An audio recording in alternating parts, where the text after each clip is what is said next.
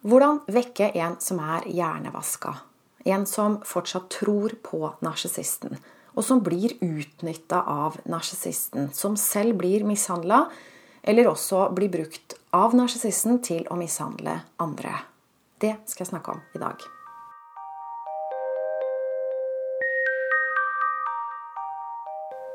Hei, jeg heter Line Strandvik. Jeg jobber online som personlig veileder, hvor jeg hjelper deg tilbake til sannhet, hvor livet er ekte og meningsfylt. Hvordan vekke en som er hjernevaska? Det temaet kan være relevant for deg på ulike måter. Kanskje har du barn med en narsissist og opplever at barna blir vendt imot deg. Eller kanskje har du en venninne som er i et destruktivt forhold med en narsissist, som sliter med å komme seg ut, eller som kanskje ikke engang er klar over at hun er i et dysfunksjonelt forhold. Hun tror fortsatt at det er sin skyld, og syns synd på narsissisten og alt det der. Eller kanskje er du forelska i eller kjæreste med en person som fortsatt er i et forhold, som ikke kommer seg ut, som ønsker å komme seg ut, som rives og slites, og du vil gjerne hjelpe denne personen til å komme seg ut av forholdet. Både for persons egen skyld, men også for din skyld, fordi du ønsker en kjærlighetsrelasjon til dette mennesket. Eller kanskje har du brutt med en narsissist i ditt liv, og det er nå noen mennesker som dere kjente felles, eh, venner, felles familiemedlemmer, felles noen mennesker som du er glad i, som er gode, som du ønsker å ha med deg videre, men de tror ikke på deg.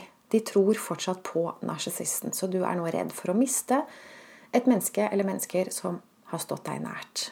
Så du ønsker å vekke dem.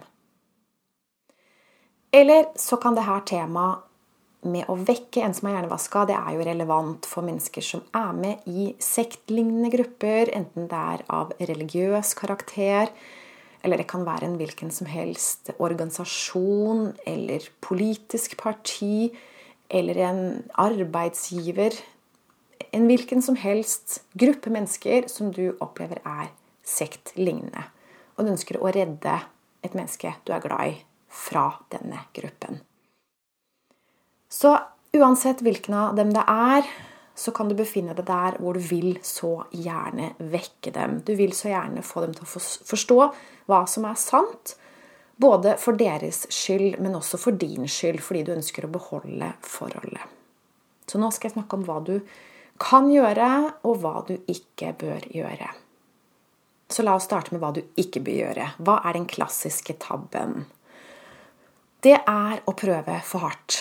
Det er å prøve å snakke dem til fornuft, men det du vil oppleve, er at ikke det funker. Og jo mer du prøver, jo mer frustrert vil du bli.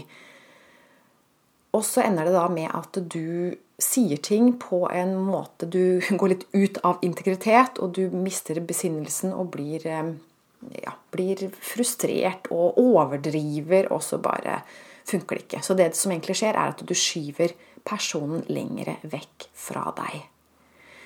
Eller det kan være at du prøver eh, lovebombing, hvis det er barna dine f.eks. Og du kan ikke få sagt nok ganger at 'Å, jeg elsker deg, jeg savner deg'. Det vil heller ikke funke. Det blir for voldsomt. Så du kan ikke prøve for hardt. Det som er viktig her, er nummer én.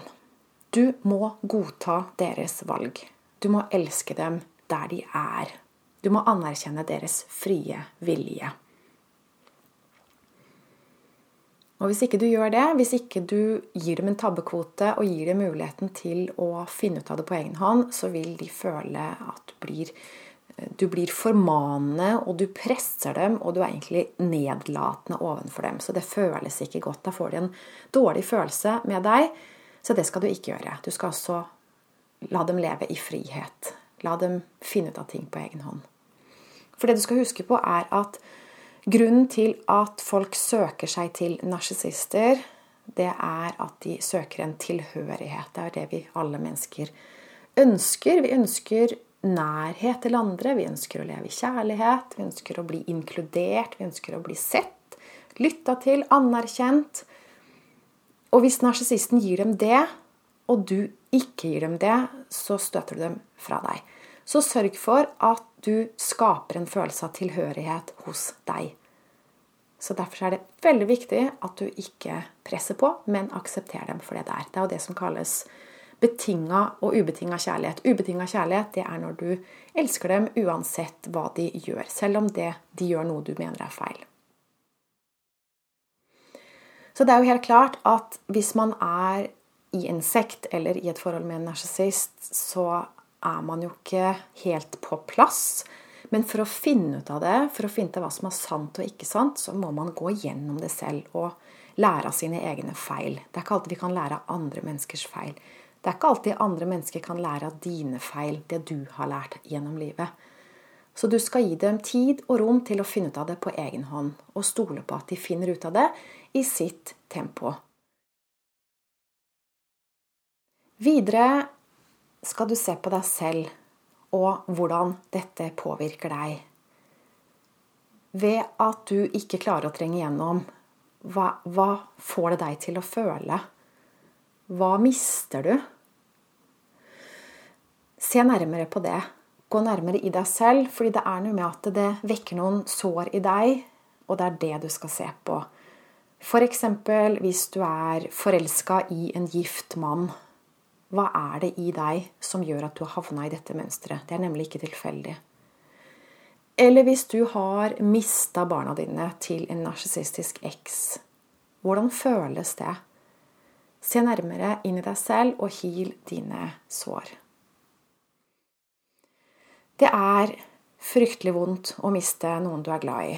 Og du skal gjøre ditt beste for å ikke miste dem. Du skal ikke bare gi slipp for lett. Men det eneste du kan gjøre, det er å elske dem akkurat der de er. Og respektere deres valg selv om du er uenig. Hvis du mener at andre mennesker bør utvikle seg, så er det en projeksjon. Det er du som trenger å utvikle det. Spørsmålet er om du forholder deg riktig til denne personen. Føler du kjærlighet for denne personen? Eller har relasjonen blitt infisert av frykt, skam, håpløshet, maktesløshet, frustrasjoner, sinne og bitterhet? Du kan få et harmonisk og problemfritt forhold til dette mennesket ved å forholde deg på en ny måte. Ved å forholde deg på riktig måte. Forhold handler om hvordan du forholder deg, og det er 100% avhengig av deg, og ikke den andre. Så ved å fokusere på deg selv kan du få et kjærlighetsfylt, harmonisk og problemfritt forhold til dette mennesket. Og når du gjør det, så gjør du ditt beste for å vekke dem fra hjernevasken. Mennesker i dag vi har blitt forleda til å tro at bare vi bruker de rette ordene, så kan vi vekke andre. Vi må bare appellere til fornuften deres og snakke dem til fornuft. Men det er ikke måten å gjøre det på. Fordi vi mennesker er ikke så um, rasjonelle som vi tror. Uh, og det er ikke noe negativt i det, men vi er følelsesstyrte. Så hvis du ønsker å vekke et menneske, så må du sørge for at dette mennesket føler noe godt sammen med deg. Og hvis du er formanende og nedlatende i måten du snakker til dem på, så hjelper du dem ikke. Da bare faktisk dytter du dem tilbake til narsissisten. Så kjærlighet, det er det eneste du kan gjøre. Og kjærlighet, det har mer makt enn det vi kanskje er klar over. Så åpne hjertet ditt, og elsk. Det er den måten vi skaper en bedre verden på. Det er ved at vi elsker andre mennesker. Akkurat som de er. Og det er mulig. Så det var det jeg hadde til deg i dag. Og hvis du ønsker personlig veiledning, hvis det er noe du trenger hjelp til, så tilbyr jeg gratis avklaringssamtaler hvor vi kan finne ut av om det er match mellom det du trenger og det jeg tilbyr. Og for å bestille en sånn samtale, så går du inn på linestrandvik.no klarhet. Takk for din oppmerksomhet i denne podkastepisoden. Jeg ønsker deg en fin dag videre. Ha det godt.